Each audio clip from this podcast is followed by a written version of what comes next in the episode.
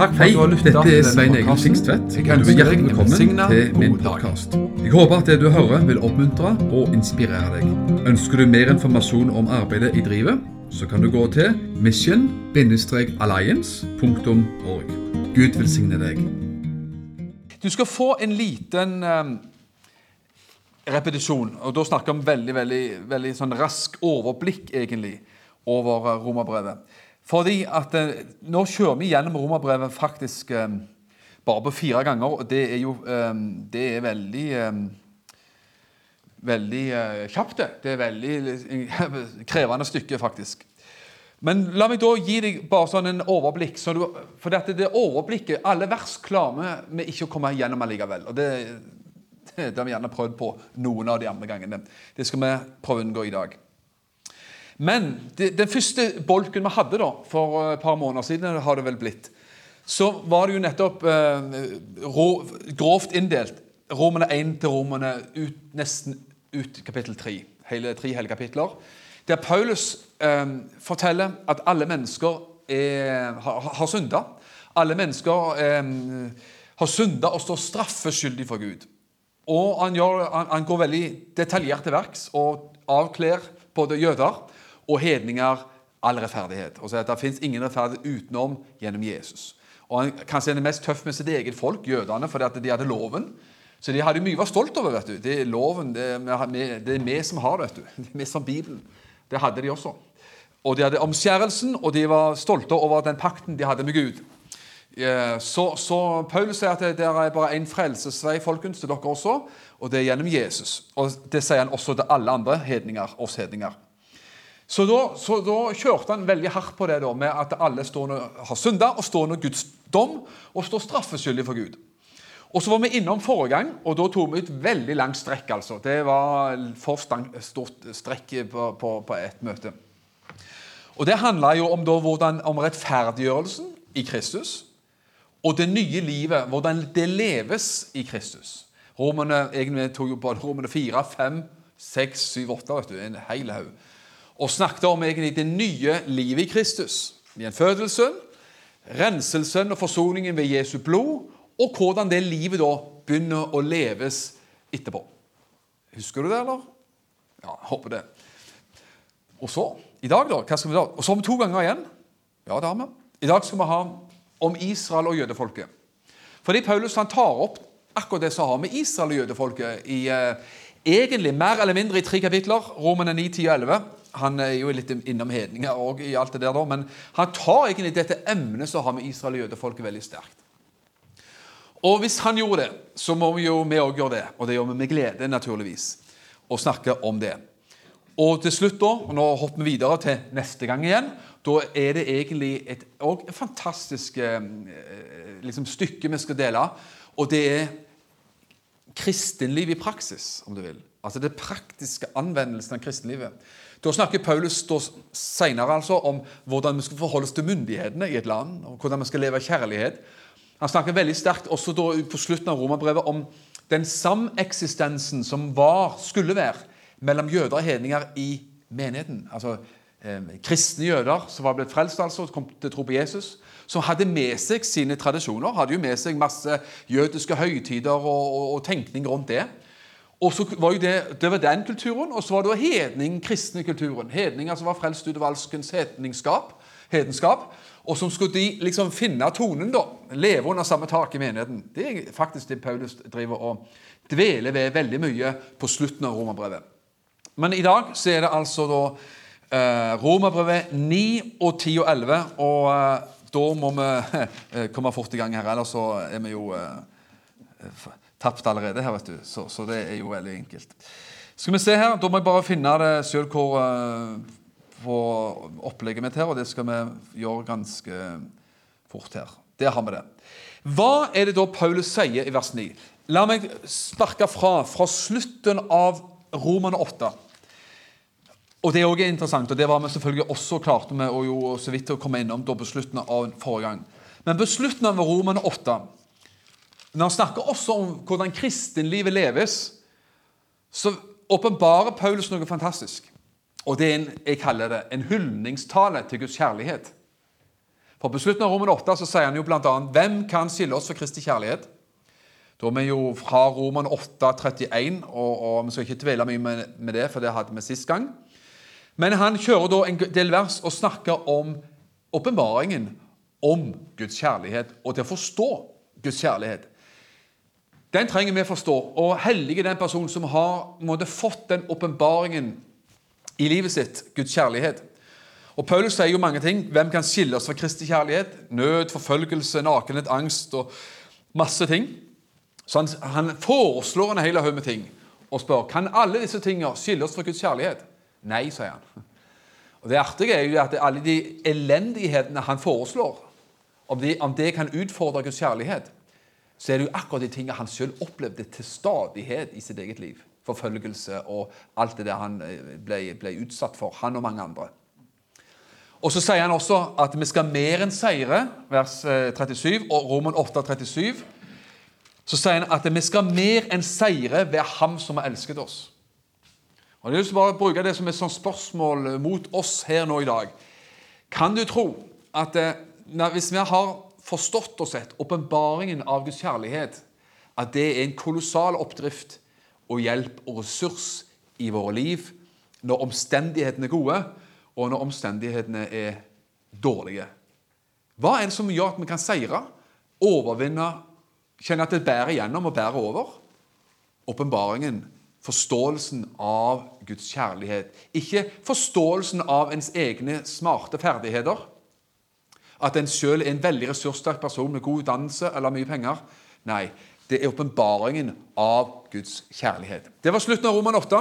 Så da er Aksen Paulus er berusa av Guds kjærlighet. Altså. Han, var, han, var, veldig happy, veldig glad og lykkelig over å dele åpenbaringen om Guds kjærlighet. Da går vi over til Romane 9. For det var en grei oppvarming der da, fra Roman 8. For da så sier Paulus plutselig så er, det, så er det som om tonen forandres. Fra at var, det var liksom bare seier og Guds kjærlighet og fantastisk alt sammen, så er det akkurat som tonen snus veldig fort om.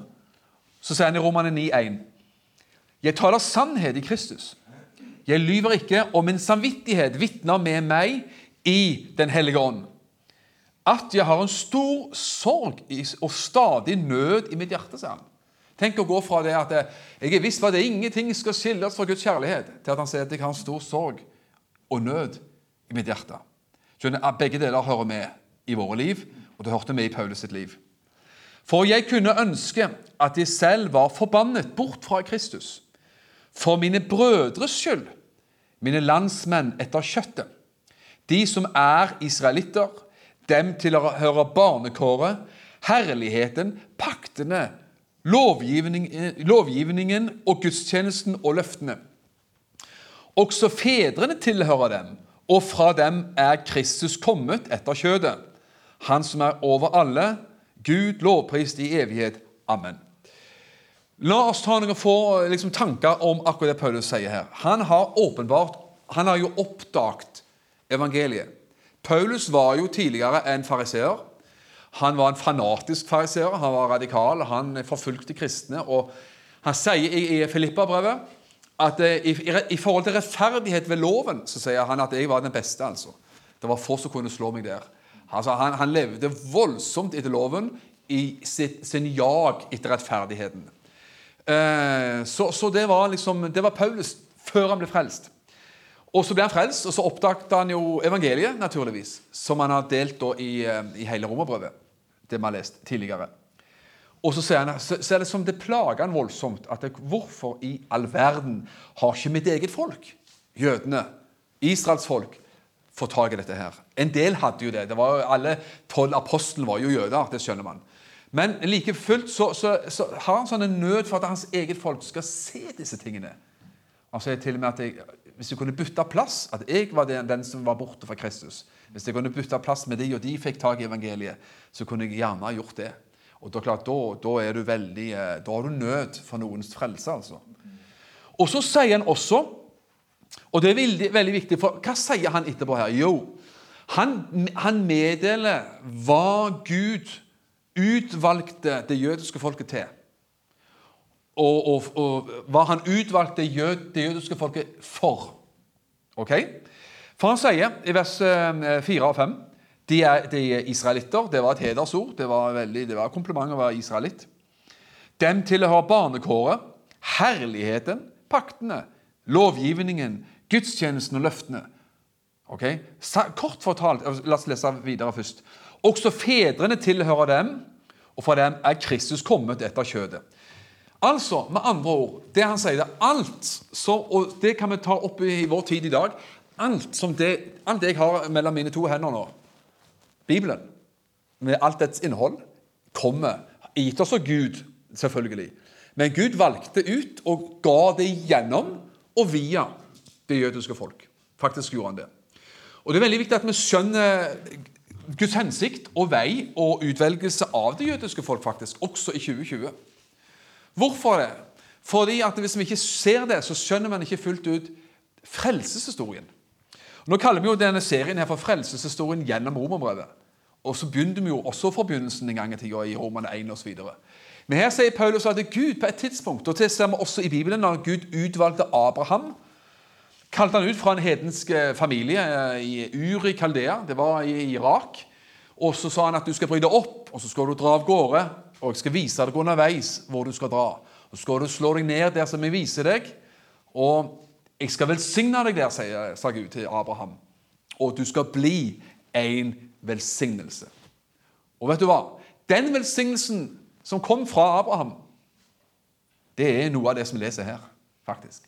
For det kom. Abraham var den første jøden. Den første som kom inn i pakten med Gud på det viset. Og fra han så kom jo Isak, og senere så kom jo, eh, kom jo eh, eh, Jakobs slekt, selvfølgelig, og han, de tolv sønnene. Altså Abraham, Isak og Jakob. Og så formes, ble det forma altså et folk, det jødiske folket. Og Gud brukte de, ga de profetene, ga de alt det vi har for Jesajas, Jeremia, Mosebøkene. Alt det du og meg også har i dag. Også for Paulus, også for Peter, også for Johannes, også for Jakob. Altså De nytestamentlige apostlene. Alle de var en del av denne slekta og denne ætten som Gud hadde utvalgt. Og sist, men ikke minst, så sier Paulus at Kristus har kommet fra de. Ok? Vi tror på Jesus. Her sitter vi i Norge, kalde Norge, langt fra Israels land, og i 2000 eh, år etterpå, og tror på Jesus. Og Evangeliet om Jesus det går rundt omkring i verden og berører mennesker veldig sterkt. F.eks. i Iran. De tror de får tak i dette livet, denne troen på denne faktisk jøden Jesus og disse jødiske skriftene som du og meg nyter godt av. Så her sier Paulus om alle de ting Gud har gitt oss gjennom og via det jødiske folk. Ok, og selvfølgelig Bare ut av det så, så hadde Paulus enorm nød for at de skal også forstå hvem Jesus var.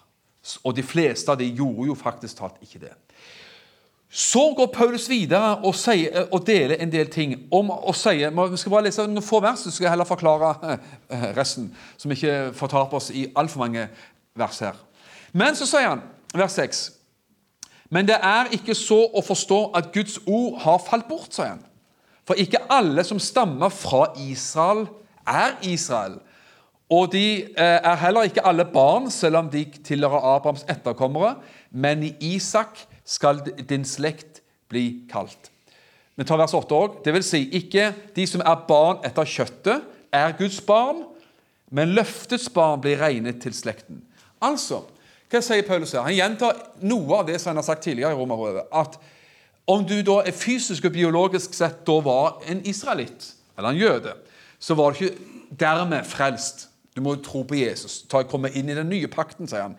Og det er altså de som da er Ikke de som er barn etter kjøttet, altså biologiske jøder, som er Guds barn, men løftets barn er, eh, ble regna til etten. Altså, det er frelse i Jesus og bare i Herren Jesus Kristus. Og Det er kolossalt viktig.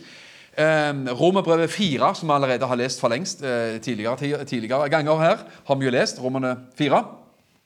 Vi har jo lest også Romerne 2, det understreker det samme. Galaterbrevet 3, 7 sier Derfor skal dere vite at bare de som er av tro, de er Abrahams barn. Altså, i åndelig forstand, i evangelisk forstand, så er det sånn at de som er Abrahams barn, det er de som er av tro. Det gjør at du og meg, i åndelig forstand, i, tro, i trosforstand er barn av Abraham. Men hvor skal man da gjøre av? Hvor plasserer man da? Hvor, hvor, hvor, hvor gjør vi av disse biologiske barna til Abraham? da? Altså jødene. For de er jo fysisk og biologisk. Eh, eh, fra den naturlige slektslinja så er det jo de som da er Abrahams barn. Det skjønner man. Det skal vi komme tilbake til ganske fort her. Resten av, For å gjøre det litt sånn lang historie kort, resten av romerbrevet så beskriver Paulus hvordan Gud har utvalgt ved tro en ny, en ny slekt. Og hvem er det? Jo, det er de frelste. vet du. Det er de kristne.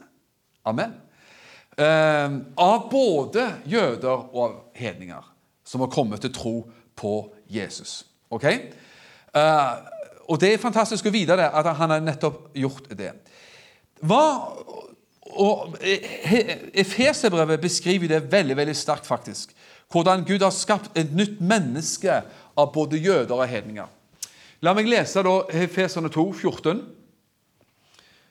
til 18, det, for det er så viktig å ha med. For han er vår fred. Det er da vi plutselig tar med en liten sånn en forgreining ut her, en liten avstikker til Efeserne. Efeserne 2, 14-18. Ja. Fikk vi nyhetene på samisk òg her. Det var ikke dårlig. det var bare, det var bare spøk. Jeg hørte om en predikanten som sa det. Det var noen som talte i tunga eller et eller annet. Jeg må ta den, da. Det var Halvard Hasløy. Han er jo kjent. Han var nyfrelst og var på pinsemøte. Og så var det noen som jeg tror jeg til og med ga et budskap i tunger, men han var jo en nyfrelst rabagast. Så han reiste seg opp og så sa han, dette var nyheten på samisk. sa han. Ja, vi må gå tilbake. Nå skal vi være alvorlige igjen her. Så da fikk vi litt sånn innspill på det. Efesene 2,14 sier For han er vår fred, Jesus altså, han som har gjort dem begge til ett. Altså Både jøder og hedninger har han gjort de begge til ett. Og som brøt ned skilleveggen som sto imellom. Skal du høre om den skilleveggen etterpå. Nå leser vi fra Efeserne 2. Dette gjorde han da han i sitt kjød altså, Hva tid gjorde Jesus det? Jo, på korset. I sitt kjød avskaffet han fiendskapet. Det vil si budenes lov, som er i forskriftene, for i seg selv å skape et nytt menneske av de to. Hvem er de to? Det er jøder og hedninger. Vet du hva Gud har gjort? Han har skapt et, en ny slekt, en ny kategori mennesker, av de to. Og det er faktisk eh, den nye skapningen i Kristus Jesus. Ok? Og på den måte skape fred. Slik kunne han også forlike dem begge med Gud. I ett legeme, altså med andre ord på korset, når Jesus ga sitt legeme på korset, så har han altså forlikt dem begge med Gud. Hvem er begge? Jøder og hedninger. Da han drepte fiendskapet på korset. Og så, og han kom og forkynte evangeliet om fred for dere som var langt borte. Hvem var de som var langt borte? Det var hedningene. De var langt borte for pakten med Gud. vet du. Og fred for dem som var nær ved. Det var, det var jødene. Og for ved ham har vi begge Da har du igjen dette ordet 'begge', jøder og hedninger, adgang til Faderen i én ånd. Han brøt ned skilleveggen, sier Bibelen. På korset så brøt Jesus ned skilleveggen mellom jøder og hedninger. Og Nå skal du få en kommentar her fra studiebibelen. Ok, Sier ikke mer om hva, den er, men det er en, bra, det er en bra, veldig bra opplegg. Kanskje du har den sjøl også. Studiebibelen sier en kommentar på dette her som er bra. Det er mulig at Paulus med skilleveggen tenker på den veggen eller muren som skilte hedningenes forgård fra de øvrige indre tempelgårder. Altså, Det var jo en hedningens forgård i tempelet. Der kunne hedninger komme inn. Og, men hedningene fikk ikke komme lenger inn. Det var forbeholdt jødene den gangen. Ok? Hvis en hedning gikk forbi denne muren, altså han gikk, trådte over der han, han gikk lenger inn enn der han skulle, over, gikk forbi skilleveggen, så hadde en jøde rett til å drepe ham på stedet. Uten rettergang. Dette var det eneste, den eneste rettighet romerne hadde gitt jødene når det gjaldt å dømme noen til døden. For var, Israel var jo okkupert av romerne, og det var romerne som dømte folk til døden osv. Bl.a. Jesus før korset. ikke sant? Men hvis de brøt der hvis Hedning gikk forbi skilleveggen, inn, videre inn i helligdommen, så smalt det. Så står det i Fesane 2,14 Han har revet ned skilleveggen og gjort dem begge to, de begge, til ett i Kristus. Og det er fantastisk. Hva betyr det? Jo, det betyr jo selvfølgelig at det igjen der frelse ene og alene i Jesus for jøder og hedninger. Vet du hva? Nå skal du virkelig, nå skal jeg ta et skikkelig langt hopp her, fordi at vi hopper Beklager, altså, folkens. Les det sjøl hjemme. Les Romerne både 9, 10 og 11 hjemme. Men le, nå hopper vi over Romerne 10. Igjen så understreker Pauls bare frelsen der, egentlig, hvis vi skal gjøre det veldig enkelt. Han sier at det ikke er frelse ved loven, men det er frelse ved troen på Jesus. Så da, har, da, da kjenner du Romerne 10. Det var, jo kort, det var en veldig kort versjon. Men der har du Romerne 10. Skal vi bare finne det perfekt, eh, sånn at vi eh, også sier det. Romerne 10, 9 kjenner du veldig godt. Det må du gjerne få med. For dersom du bekjenner Herren Jesus, eller Jesus som Herre, med din munn, og tro i ditt hjerte at Gud oppreiste han fra de døde, da skal du bli frelst. Det er liksom kjerneverset i Romerne 10. Ok? Så da, da, skal vi heller dvele langt mer med faktisk Romerne 11, sånn at du får tak i hva som er opplegget her. Paulus har understreket at det er én vei til frelse for jøder og hedninger, og at han har gjort de som kommer til Jesus, både jøder og hedninger, til et nytt menneske. Er du glad for å være et nytt menneske? Ny skapning. Andre Korinterbrev, eh, andre kor fem. Dersom noen er i Kristus, er han en ny skapning. Det gamle er borte, så er alt er blitt nytt. Det er, det, det, det er et fantastisk nytestamentlig begrep. Den nye skapningen i Kristus Jesus. Ok? Og det, den, ok, eh, skal få med den òg, men den nye skapningen, hvordan det livet leves som en ny skapning, det er jo det vi snakket om forrige gang. Nå har jeg holdt på så lenge. Romerne 6, 7, 8 osv. Romane 11. Da sparker vi fra å gå videre der. Og følger til og med med på klokka på, med stålkontroll her i dag. Romerne 11, fra vers 1. Etter alt det Paulus har sagt nå så Paulus er litt artig og bra i romerbrevet, som han alltid er. For han stiller masse spørsmål. Han, han, sier en del ting, og så sier han etterpå Så spør jeg, sier han. Så, så kommer han opp med spørsmål for å dvele ved og for å måtte reflektere og få besvare spørsmål som måtte komme opp pga. det han hadde sagt. Og det er bra. Stille spørsmål, for da får man gjerne et godt svar. Og Paulus han stiller spørsmålet sjøl, og så kommer vi med svaret sjøl også. da. Roman 11, vers 1. Jeg spør da, sier han, altså på bakgrunn av det jeg har sagt, sier han. På bakgrunn av alt jeg har prekt om, om det som har med jøder og hedninger å gjøre, så sier han Har Gud forkastet sitt folk, altså jødene? På ingen måte. Jeg er jo også en israelitt, av Abrahams slekt, av Benjamins stamme. Gud har ikke forkastet sitt folk som han tidligere har vedkjent seg. Ok? Så Pauls bare sier på bakgrunn av det jeg har prekt om nå, kan vi si at Gud har forkasta sitt folk? Er Gud ferdig med sitt folk? Eh, har, har, Gud avvist sitt folk? Nei. Selvfølgelig har han ikke det, selv om noen da, gjennom historien har undervist det på forskjellig vis. da. Og Det har ofte, det har jo også fått dramatiske konsekvenser. Eh, erstatningsteologien og også Luthers voldsomme hat mot jødene sies at det var også et påskudd. Det var liksom noe som Hitler faktisk var med og brukte som et godt argument for hans, eh, hans eh, prosjekt om å utrydde jødene. faktisk. Så det har fått sine forferdelige konsekvenser. Gud har ikke vers 2, forkastet sitt folk som han tidligere har vedkjent seg. Eller vet dere ikke hva Skriften sier om Elia, hvordan han anklager Israel overfor Gud og sier:" Herre, de har drept profetene dine og revet ned alterne dine. Jeg er alene igjen, og de er ute etter mitt liv. Men hvordan ja, men la oss, ja, Vi skal ta noen få vers, så skal vi hoppe litt. Men hvordan lyder det guddommelige svaret til ham? Jeg har latt det bli igjen for meg 7000 mann som ikke har bøyd kne for Baal. Det er altså en, en eh, ref, referat, eller en eh, Henta fra altså Gammeltestamentet. Så sier Paulus så er det da i den tid som er nå, en rest igjen etter nådens utvelgelse. Og så går Paulus videre og snakker om at Gud har utvalgt både hedninger og jøder, som allerede, han allerede har snakket om i både 9 og 10. faktisk alt. Hvis vi da leser fra vers 11, så skal vi heller være litt sånn saktegående og, og grundige. For da sier han igjen Han har igjen på en måte en slags eh, spørsmål eller som et sånn oppsummeringsutsagn her. For han sier jeg sier altså Har de snublet for at de skulle falle? Vet, han sier at Israel snubla. Hvorfor snubla de? Jo, for de fikk ikke tak i frelsen i Jesus.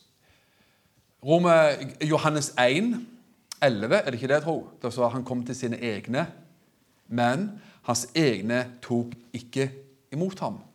Men dem som tok imot ham, ga han rett til å bli Guds barn. Så i det store bildet er jo at han, Jesus kom til sine egne, men hans egne den gangen tok ikke imot ham. Og Så sier Paulus i vers 11.: Har de snublet for at de skulle falle? Slett ikke, sier han. Men ved deres overtredelse, altså ved at de falt, og ved at de bomma på frelsen, bomma på Jesus Merkelig nok så det kan høres ut. Og ved at de avviste Jesus. Jesus avviste jo ikke de, som noen gjerne vil i verste fall prøve å si. Men de Gud forkasta ikke jødene, men jødene dessverre forkasta Jesus. Veldig mange av dem gjorde det, dessverre. Men ved deres overtredelse er frelsen kommet til hedningfolkene for å gjøre dem misunnelige. Og Det ser jo av og til når det av og til hører eh, om jøder som har tatt imot Jesus som gjerne da blir messianske jøder, som oppdager frelsen i, i, Jesus, så er det jo nettopp det at de oppdaget hvem Jesus virkelig var. Og det er jo fantastisk når det skjer. Vers 12. Hvis nå deres fall er blitt til rikdom for verden At det at jødene falt i forhold til dette med å bomme på dette med å ta imot Jesus, avviste Jesus, avviste eh, frelsen i Kristus Jesus, så sier Paulus noe ganske rart. For Eh, når deres fall har blitt til rikdom for verden. Hvordan skjedde det? Jo, ved at de avviste Jesus, så gikk faktisk velsignelsen og troen på Jesus og evangeliet videre ut til hedningene.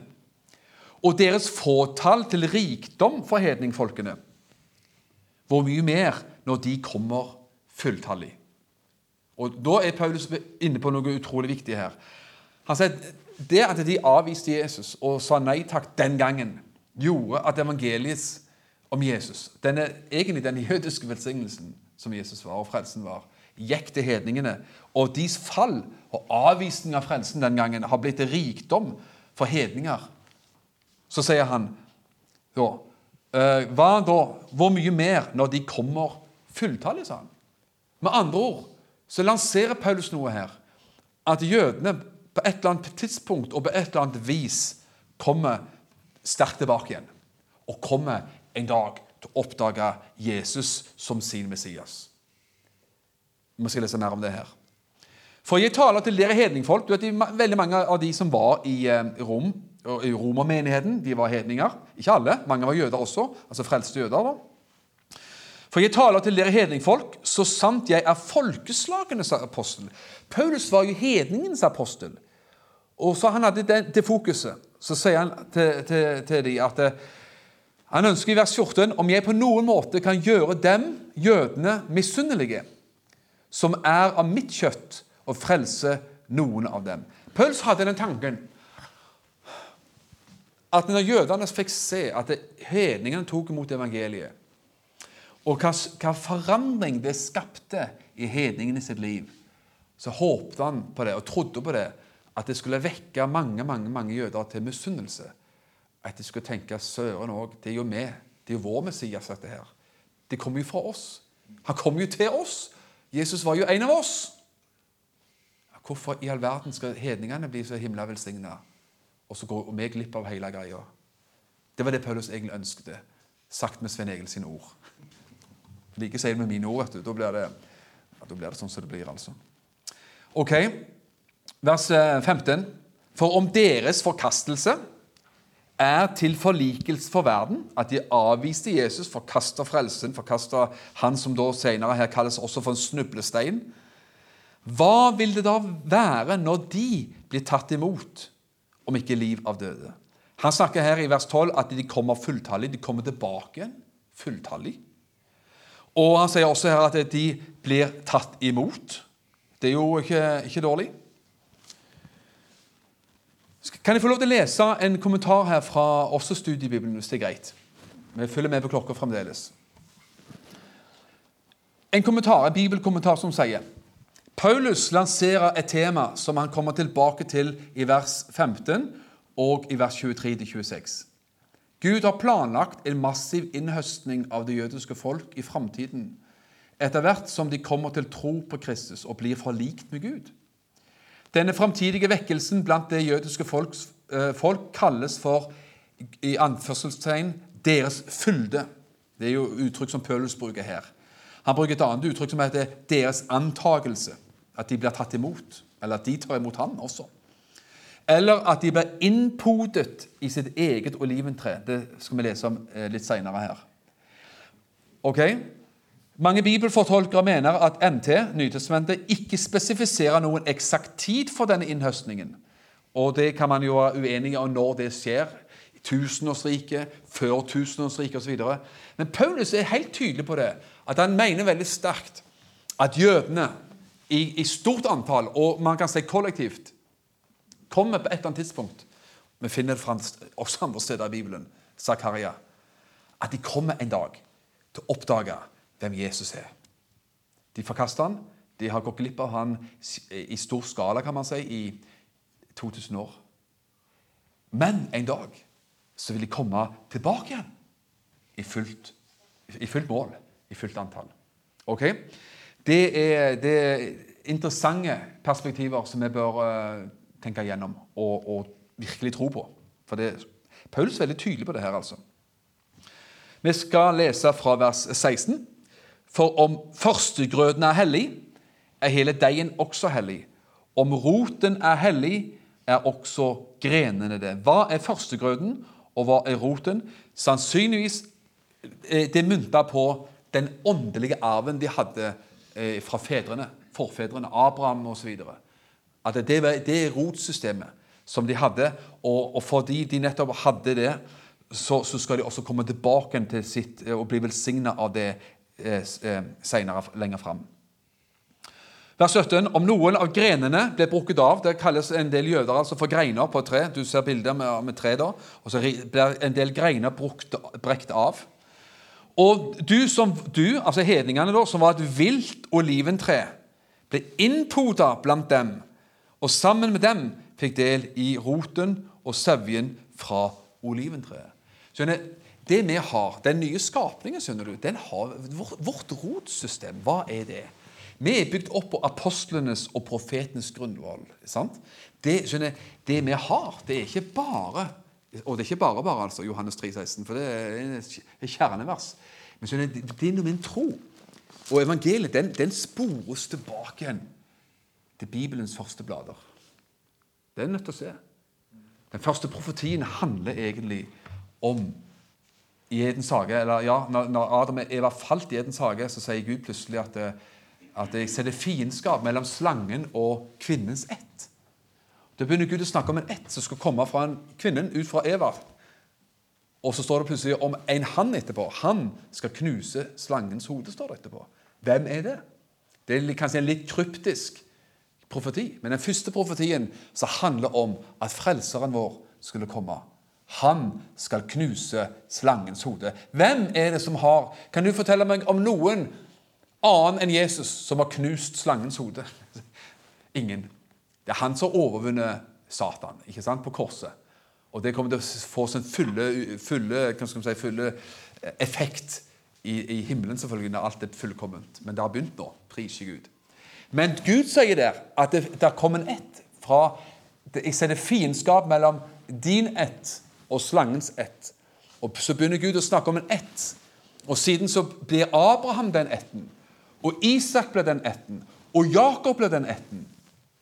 Og fra den etten kom han som skulle knuse slangens hode. Og det er Jesus.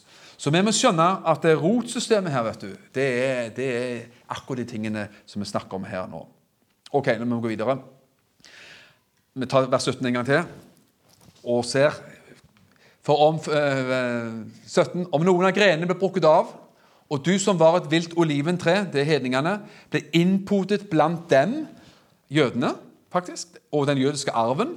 Og sammen med den fikk del i roten og sevjen fra oliventreet. Du har blitt poda inn. Du og meg har blitt poda inn i denne arven her. Så, sier han, fordi at det har skjedd, og vi som hedninger har kommet dit hen Og det er jo kolossalt viktig å se det som står i vers 18.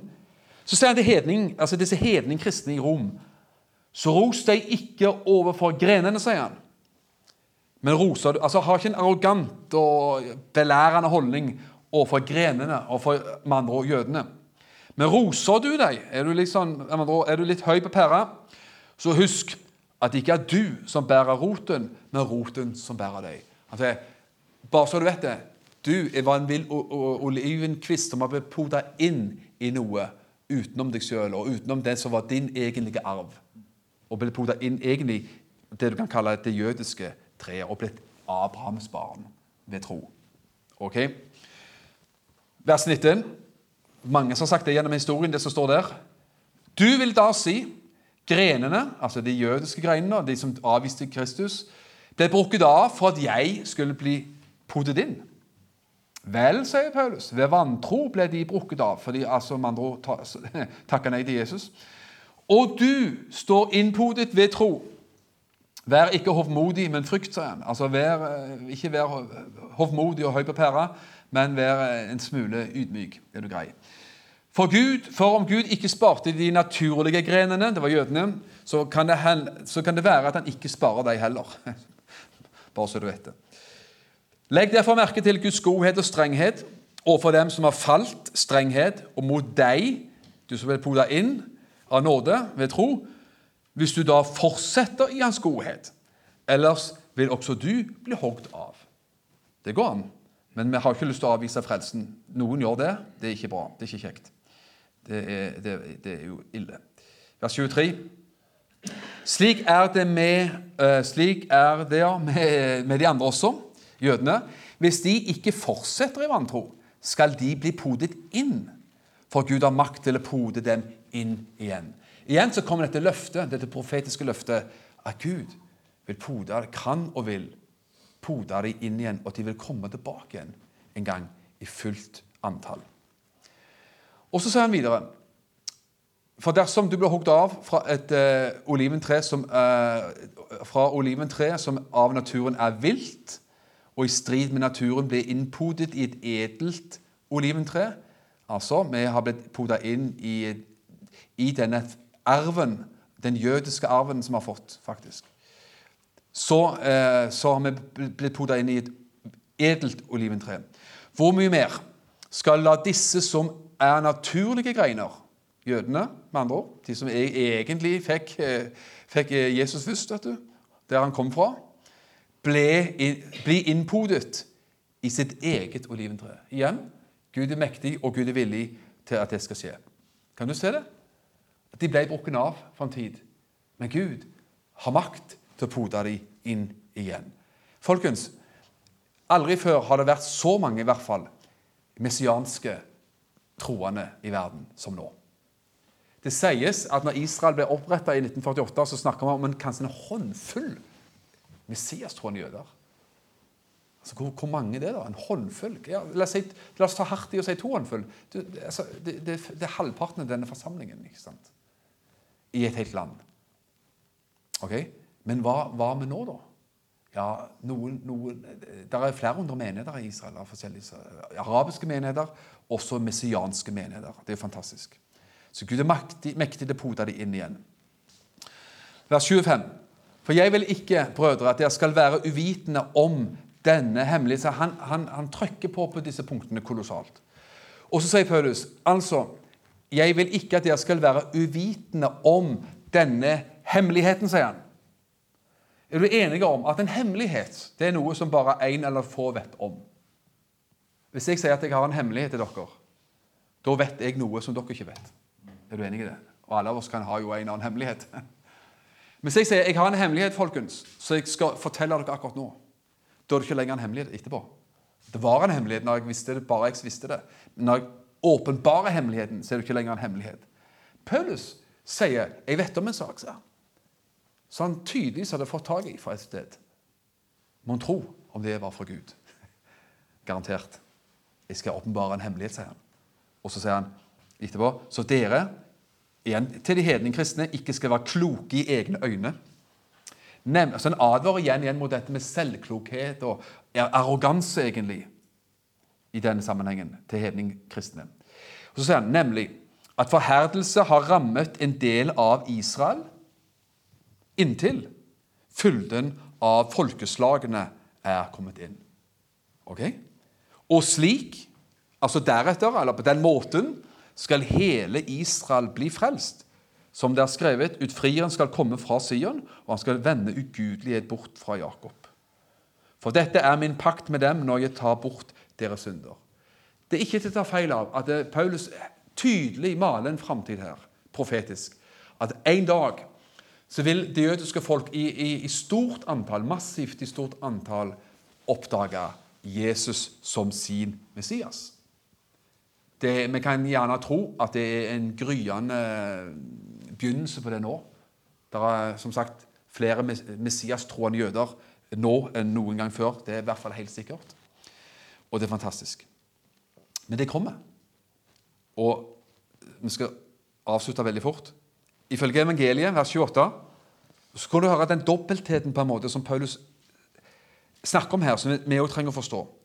Ifølge evangeliet Det er jo det han preker om i, romerbrevet. Evangeliet. For ifølge evangeliet, altså i henhold til evangeliet er de fiender for deres skyld. Altså, Når det gjelder frelsen og at de har avvist Jesus, så er de ufrelst. Og på den måten fiende. Men, sier han, ifølge, i henhold til utvelgelsen er de elsket for fedrenes skyld. De har ikke tatt imot Jesus ennå, men Gud er ikke ferdig, er ikke ferdig med sitt folk. Hvorfor? For de er elsket for fedrenes skyld. Hvem er disse fedrene? Abraham, Isak og Jakob. Han er Abrahams og Isaks og Jakobs Gud. I, i henhold til utvelgelsen. Så denne utvelgelsen, den står ved lag. For det sier vers 29. For Guds nådegaver og kall kan ikke tas tilbake, sier han. Altså det Gud en gang hadde lovt, det, det folket Gud en gang hadde utvalgt, sier Paulus. Gud tar ikke sin, sin, sine nådegaver og sitt kall, eller utvelgelse, om du vil, tilbake igjen. For slik dere en gang skal vi, ja, vi skal lese ferdig, og så er vi nesten ferdig, vet du. For slik dere en gang var ulydige mot Gud, men nå likevel har fått miskunn ved deres ulydighet Det, det merkelige mysteriet at ved jødenes ulydighet og forkastelse av Kristus så kom, som kom evangeliet ut til hedningene. Okay? Slik har også disse nå, andre nå vært ulydige, for at også de skal få miskunn ved den miskunnhet som han viste dere. Så Paulus igjen og igjen, igjen sier jødene kommer tilbake igjen. Jødene skal få miskunn. Jødene skal igjen bli innpoda i dette treet.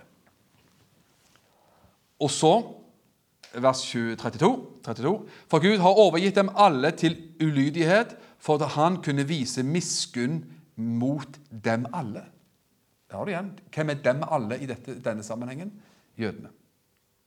Og så sier Paulus, og så tenker du, og det er jo trøstens ord det han sier her, da, vers 33 For du tenker at det, her er det mange ting jeg ikke helt forstår.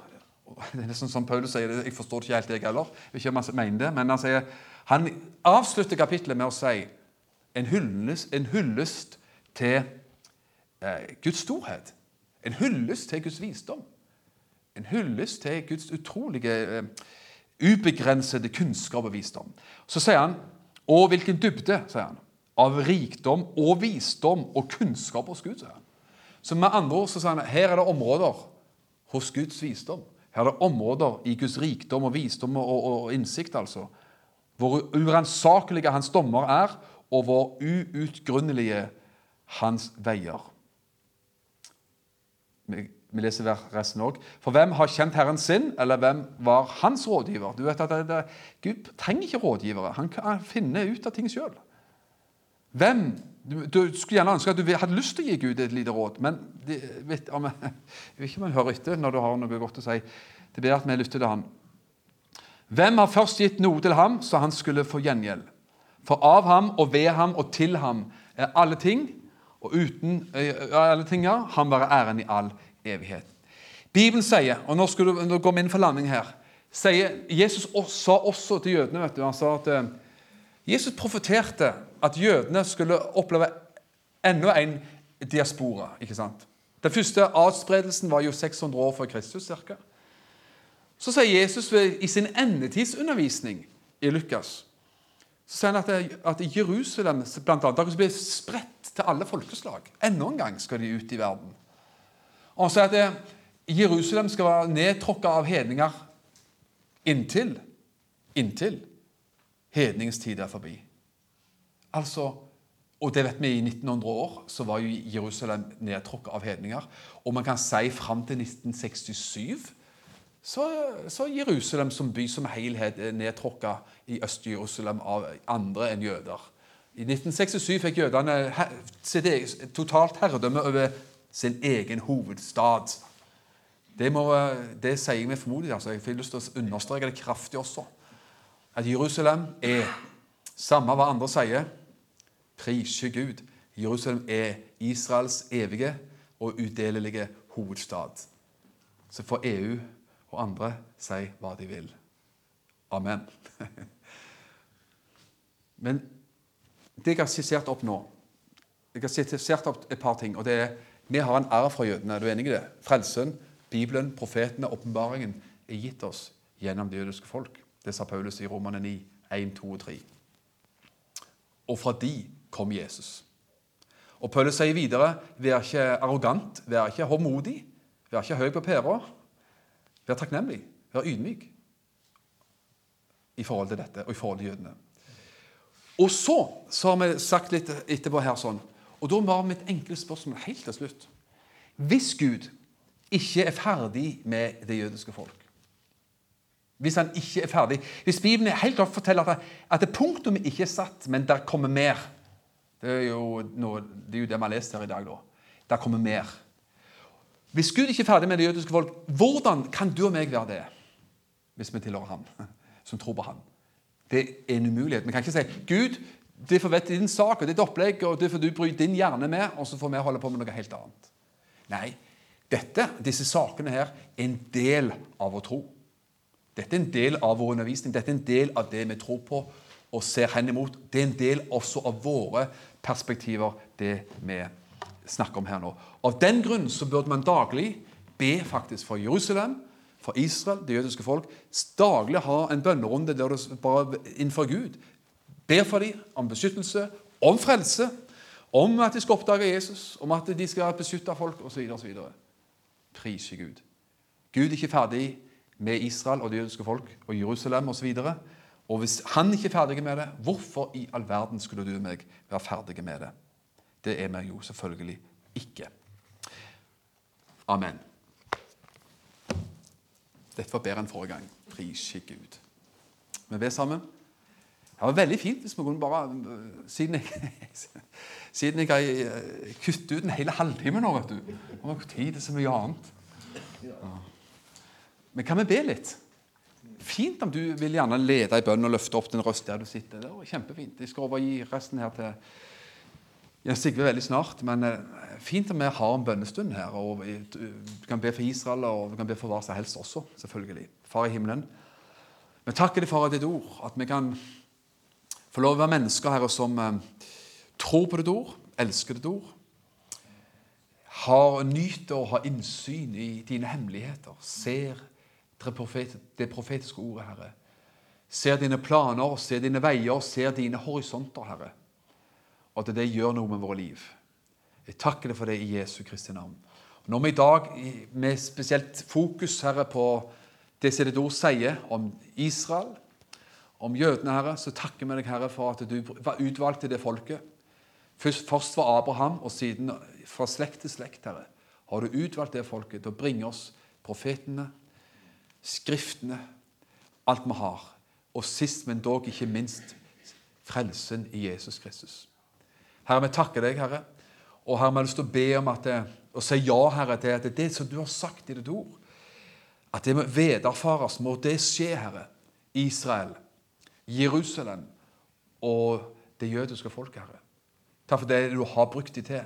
men fordi, for, og for de en voldsom kostnad av forfølgelse og forakt, av motstand, av utryddelse, så ber vi, Herre, at eh, du skal beskytte ditt folk. Og overalt så ber vi at de skal massivt oppdage og oppleve deg som sin Herre og sin Messias. Ære og prise deg for det i Jesu Kristi navn. Så jeg har også lyst til å be Herre for enhver som er her i nå i dag. Eh, du ser, kjenner våre liv. Du ser, Herre, oss menn, kvinner, unge og eldre, Herre. Du ser vår situasjon i livet, Herre. Jeg bare ber at enhver av oss skal oppleve at du hver dag er du med, Herre. Du er med alle dager, og du er med alle slags dager inntil verdens ende. Herre, jeg bare ber om at de som kjenner at man, livet oppleves som en mørk tunnel eller en tørr ørken, Herre så ber jeg at gjennom også sånne omstendigheter så ber jeg at enhver av oss skal oppleve din fred, som overgår all forstand, Herre. At vi er bevart i din kjærlighet, er bevart i din fred, Herre. Og så vet vi at du er mektig og villig, Herre, til å føre oss igjennom, Herre. Til at du tar oss og leder oss og leier oss igjennom, Herre, enhver tårnekratt og enhver dødssykens dal. Jeg takker og priser deg for det i Jesu Kristi dyrebare navn. Takk du, Herre, leder oss igjennom dødsskyggens dal når vi er der, Herre. Og du leder oss til hvilens vann, Herre. At du oss, eh, leder oss til, til, grønne enger, Herre, der vi finner hvile. For at du er vår hurde, Herre. Herren er vår, er vår hurde, vi mangler ingenting. Ære og pris for det i Herren Jesu dyrebare navn. Takk for at du har lytta til denne podkasten. Jeg ønsker deg en velsigna god dag.